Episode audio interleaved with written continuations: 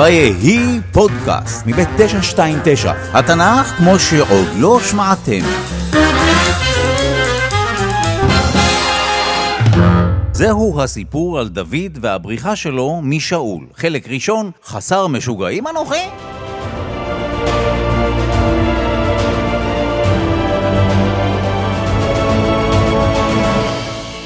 אז איפה היינו? דוד, שהבין ששאול רוצה להרוג אותו, ברח מהארמון. מה שאומר שהוא רחוק מהמשפחה שלו, הוא לבד, בלי אוכל ובלי נשק. לאן בורחים? התחנה הראשונה היא נוב, עיר הכהנים.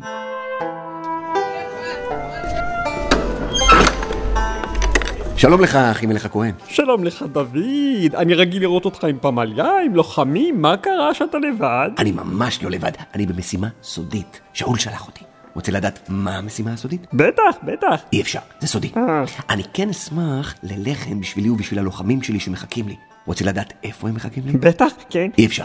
סודי אומרים לך. אה, אה. אחימלך נתן לדוד מזון וכלי נשק, את החרב שהייתה החרב של גוליית. הבעיה הייתה שמישהו ראה את מה שקרה, דואג. אוי ואבוי, מה קורה פה? השם שלו היה דואג, דואג האדומי. עוד יותר מדאיג, אני אדומי? דואג ילשין מאוחר יותר לשאול, שיעניש את כהני נוב, וזה למרות שהם בכלל חשבו שדוד נמצא בשליחות מטעם שאול. התחנה הבאה של דוד, גת. לא, לא, רגע. גת? גת זו עיר פלישתית. דוד, שברח משאול, כנראה חשב שכדאי לו להסתתר דווקא אצל האויב. שלום לכם פלישתים. היי, אתה נראה לי מוכר. איך, אה, חנון? מה עכשיו, צדקה? בוא, בוא רגע. הבחור הזה, הוא לא נראה לך מוכר? נכון! תחייך רגע. אה, לא? תסתובב? לא? לא, לא. אולי... לא. אה, אני יודע. תעשה רגע תנועה כאילו אתה מסובב קלע כדי לפגוע במצח של ענק פלישתי. הנה! נזכרתי מאיפה! הפלישתים זיהו את דוד המפורסם. נכון, נו, הפרצוף שלך היה מוכר לי מהשיר. היכה שאול בעל עפר ודוד... איך הפרצוף שלו מוכר לך מהשיר? זה שיר! אה, לא הבנתי. דוד, שהבין שעלו עליו והוא בסכנה, החליט להעמיד פני משוגע, מה שגרם לאחיש מלך גת להגיד, תגידו, מה אתם מביאים אותו לכאן? החסר משוגעים אנוכי. וככה ניצל דוד מהפלישתים. התחנה הבאה, מערת עדולם, מה שאומר שהגענו ל... חלק שני, דוד וחבורתו. במערת עדולם דוד כבר לא לבד, מצטרפת אליו המשפחה שלו וחבורה של אנשים. מי זאת החבורה הזאת? כל מי שיש לו מצוקה, רע לי! כל מי שיש לו חובות, לך רע, לי יש חובות. וכל איש מר נפש. אוי, תשתקו כבר, אתה עם המצוקה שלך ואתה עם החובות. וואי וואי וואי, איזה מר נפש! מה שאומר שלדוד יש עכשיו כמה מאות לוחמים, אבל דוד והלוחמים נודדים ממקום למקום, כי שאול רודף אחריהם, ולא פעם אנשי האזור מלשינים עליהם לשאול, כמו שקרה במדבר עין גדי. אוקיי, שאול מלכי. כן. המלשינים סיפרו לנו שדוד ואנשיו נמצאים פה באזור. יופי, אני, אני הבנתי. אה, אנ- אנחנו תכף נחפש אותם, אבל אה, רגע, קודם אני צריך אה, להסך את רגליי. להסך את רגליך. זה אומר לעשות את הצרכים, להתפנות. מה ששאול לא ידע זה שבתוך המערה הזאת הסתתרו דוד ואנשיו. אנשיו של דוד חשבו שזו הזדמנות מצוינת לחסל את שאול, אבל דוד לא הסכים לפגוע בו, כי שאול הוא עדיין המלך, כלומר משיח אלוהים. אז דוד רק התגנב אל שאול וחתך לו את קצה המעיל, בלי שהוא ישים לב. ואז, כששאול יצא מהמערה, היי, שאול! דוד? למה אתה מקשיב לאנשים שאומרים שאני רוצה לפגוע בך? הנה, היום הייתה לי הזדמנות ותראה, רק חתכתי לך את המעיל. חרם על המעיל. עזוב את המעיל. אני מבין שהוא היה יכול להרוג אותי, אבל ריחם עליי. אחרי מי אתה רודף? אחריי? מי אני? אני חסר חשיבות כמו כלב מת או פרעוש. כמובן שכל זה גרם לשאול להרגיש רע עם עצמו ולהתחרט. שאול גם הבין שדוד ימלוך במקומו, והשביע אותו שלא יהרוג את בניו, שזו הבטחה שדוד ממילא כבר נתן לבנו של שאול, יונתן. טוב, נשמע שהכל הסתיים בשלום, וששאול הפסיק לרדוף אחרי דוד. אבל זה רק נשמע ככה, זה ממש לא מה שקרה. חלק שלישי, האויב של האויב שלי. אז כמו שאמרתי, שאול לא הפסיק לרדוף אחרי דוד. ולדוד שוב הייתה הזדמנות להרוג את שאול, והוא שוב ויתר עליה. אבל הפעם, במקום קצה של מעיל, הוא לקח לשאול את החנית ואת כד המים. בכל מקרה, דוד הגיע למסקנה שיש רק מקום אחד שבו שאול לא ירדוף אחריו. שלום לכם פלישתים. היי, אתה נראה לי מוכר. חנון, בוא, בוא רגע. כן, הוא חזר לאחיש, מלך גת. מה עכשיו, צדקה? הבחור הזה נראה לך מוכר. צדקה? אתה חייב לבדוק את הזיכרון שלך. הפעם דוד לא הגיע לבד וחסר כל אל אחיש מלך גת, הוא הגיע עם צבא של 600 איש. אז אחיש נתן לדוד ואנשיו את העיר ציקלג. ואיך דוד ואנשיו התפרנסו? הם פשטו על עמים אחרים, הגשורי, הגזרי והעמלקי. ומה הם אמרו לאחיש שהם עשו? דוד היקר, יואב בן צרויה. כן, אחיש? תגידו לי, על מי פשטתם השבוע? על העמלק...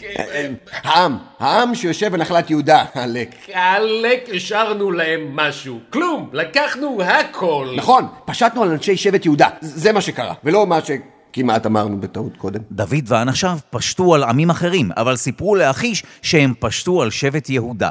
וכך, אחיש השתכנע שדוד נאמן לו, והסיפור של דוד עם עם ישראל הסתיים, אבל הוא ממש לא הסתיים.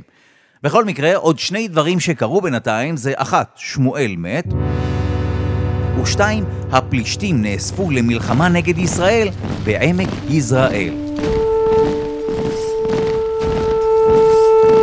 שאול, שראה את הפלישתים נאספים, קיווה לקבל הוראה מאלוהים, מה לעשות? לא, אלוהים לא עונה לי. איזה מין נביא אתה? סליחה, שאול בלקי. אבל אלוהים לא ענה לו. תאמין לי, אם שמואל היה כאן, הייתי מקבל תשובה על המקום. אגב, התנ"ך מספר לנו שבערך באותו הזמן דוד נלחם בעמלקים, ושם אלוהים כן ענה לו, אבל חזרה לצרות של שאול. אין ברירה, אבנר. נצטרך ללכת לבעלת אוב. בעלת אוב היא בעצם מיסטיקנית, אישה שעוסקת בחישוף ויוצרת קשר עם המתים. הבעיה היא שאני עצמי הכרתתי את המיסטיקנים האלה מהארץ. זה אומר שהוא סילק אותם או השמיד אותם. בכל מקרה, לשאול נודע שנותרה עוד בעלת אוב בעין דור, אז הוא התחפש והגיע אליה בלילה.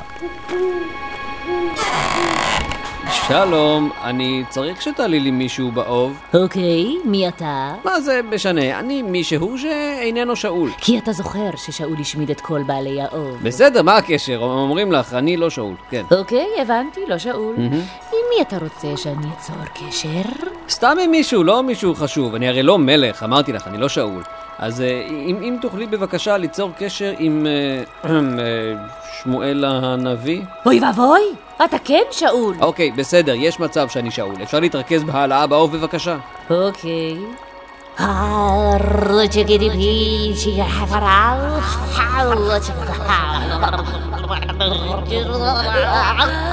אני רואה מישהו עם מעיל!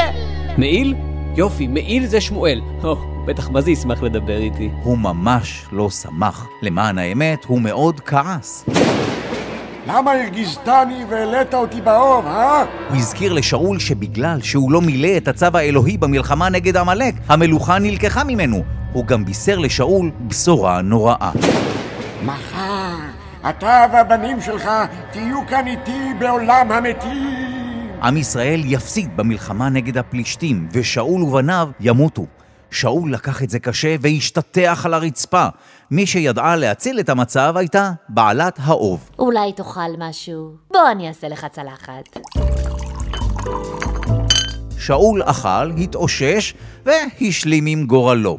אז מה המצב כרגע? עוד מעט תיפתח מלחמה בין הישראלים לבין הפלישתים, שאול יודע שהמלחמה תיגמר באסון, אבל הוא לא בורח ממנה. אה, ועוד משהו. דוד היקר ואנשיו. כן, אחיש? אנחנו יוצאים למלחמה נגד ישראל. אני מניח שבאופן טבעי אתם תילחמו בצד שלנו, של הפלישתים, כן? אז, האם דוד יילחם נגד ישראל? האם שאול אכן ימות במלחמה? אל תדאגו, כל התשובות יינתנו מיד אחרי שאני אגיד חלק רביעי, המאבק על המלוכה. חלק רביעי, המאבק על המלוכה. הנה, אמרתי את זה. ועכשיו התשובות. למזלו הטוב של דוד, סרני פלישתים, שאלה השליטים הפלישתים, לא הסכימו שדוד יצטרף לצבא שלהם. הו, אין מצב, זה ההוא ששרו עליו. היכה שאול בעל דוד בני ובותיו. וואו, השיר הזה היה ממש פופולרי בזמנו, אה? ממש שיר השנה של שנת אלף לפני הספירה, וכל זה בלי יוטיוב ובלי ספוטיפיי. אז למזלו הטוב של דוד, הוא לא נאלץ להילחם נגד העם שלו, ולמזלו הרע של שאול, הנבואה של שמואל הייתה נכונה, והוא ובניו נהרגו במלחמה. טוב, כמעט כל בניו, אבל תכף נגיע לזה. דוד, דוד, מי אתה? אני מגיע מהמלחמה. תשמע, שאול ובניו מתו. איך אתה יודע את זה? כי אני העמלקי שעזר לשאול להתאבד. אוקיי, פרט לא נעים, כששאול הבין שהוא אכן הפסיד במלחמה, הוא באמת העדיף להתאבד, ובלבד שלא יהרגו אותו הפלישתים. אז זה נשמע ששאול האויב שלך מת. אז מה, איפה הפרס שלי על זה שבאתי לפה עם הבשורה? תהרגו אותו. פרס יהיה נחמד, אבל אני מקבל גם מזומן... רגע, מה? דוד ציווה להרוג את השליח. בעיניו הוא היה עמלקי שעשה מעשה נורא. הוא העז לפגוע במלך, משיח אלוהים, גם אם המלך עצמו רצה למות. ואז דוד נשא את הקינה המפורסמת. הצבי ישראל, על במותיך חלל, איך נפלו גיבורים. קינה על שאול ויהונתן. אחרי מות שאול, דוד ואנשיו עזבו את צקלג ועברו לחברון. שם דוד הפך למלך על יהודה. רגע, בעצם שאול מת, אז למה דוד לא מלך על כל שבטי ישראל?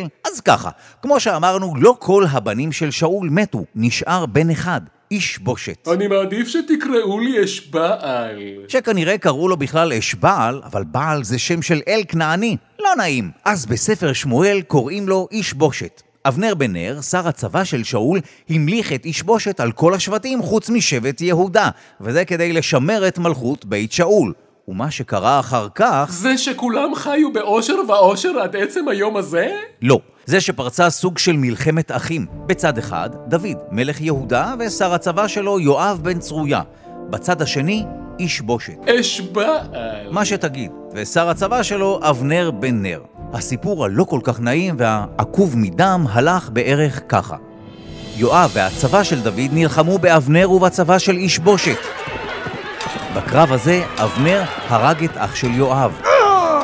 לא נעים. ממש לא. אחר כך אבנר בן נר והמלך שלו, איש בושת, הסתכסכו, ואבנר החליט לעזוב את איש בושת ולעזור לדוד להפוך למלך על ישראל. דוד הסכים בתנאי שיחזירו לו את אשתו מיכל. אוקיי, אז נשמע שכל העניין נפתר בשלום? אז זהו שלא, כי אז יואב בן צרויה סגר את החשבון עם אבנר, שכזכור... הרג את אח שלו. נכון.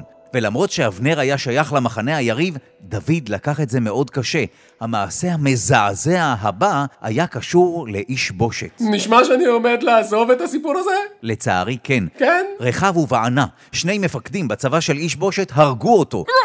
ואז הגיעו לדוד כדי לספר לו על כך. שלום לך דוד, אנחנו רחב ובענה, ואנחנו הרגנו את איש בושת. אז על איזה פרס חשבת? אה, מעניין. זו אותה שאלה ששאל אותי העמלקי שנטל את חייו של שאול. אתם יודעים מה עשיתי איתו? נתת לו פרס? אתם יודעים מה דוד עשה לעמלקי, וזה מה שהוא עשה גם לרחב ובענה. פרס יהיה נחמד, אבל אנחנו גם מקבלים איזה... רגע, מה? וזהו, דבר כבר לא עמד בין דוד למלוכה, מה שאומר שהוא הפך למלך על כל ישראל.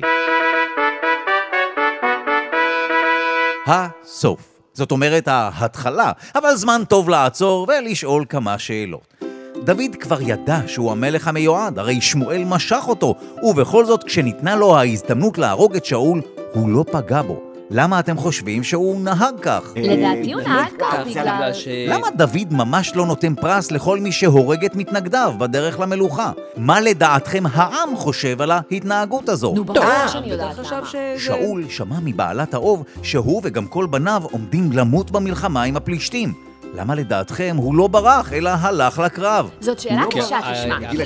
אה. זהו, נתראה בפרק הבא בירושלים הבנויה.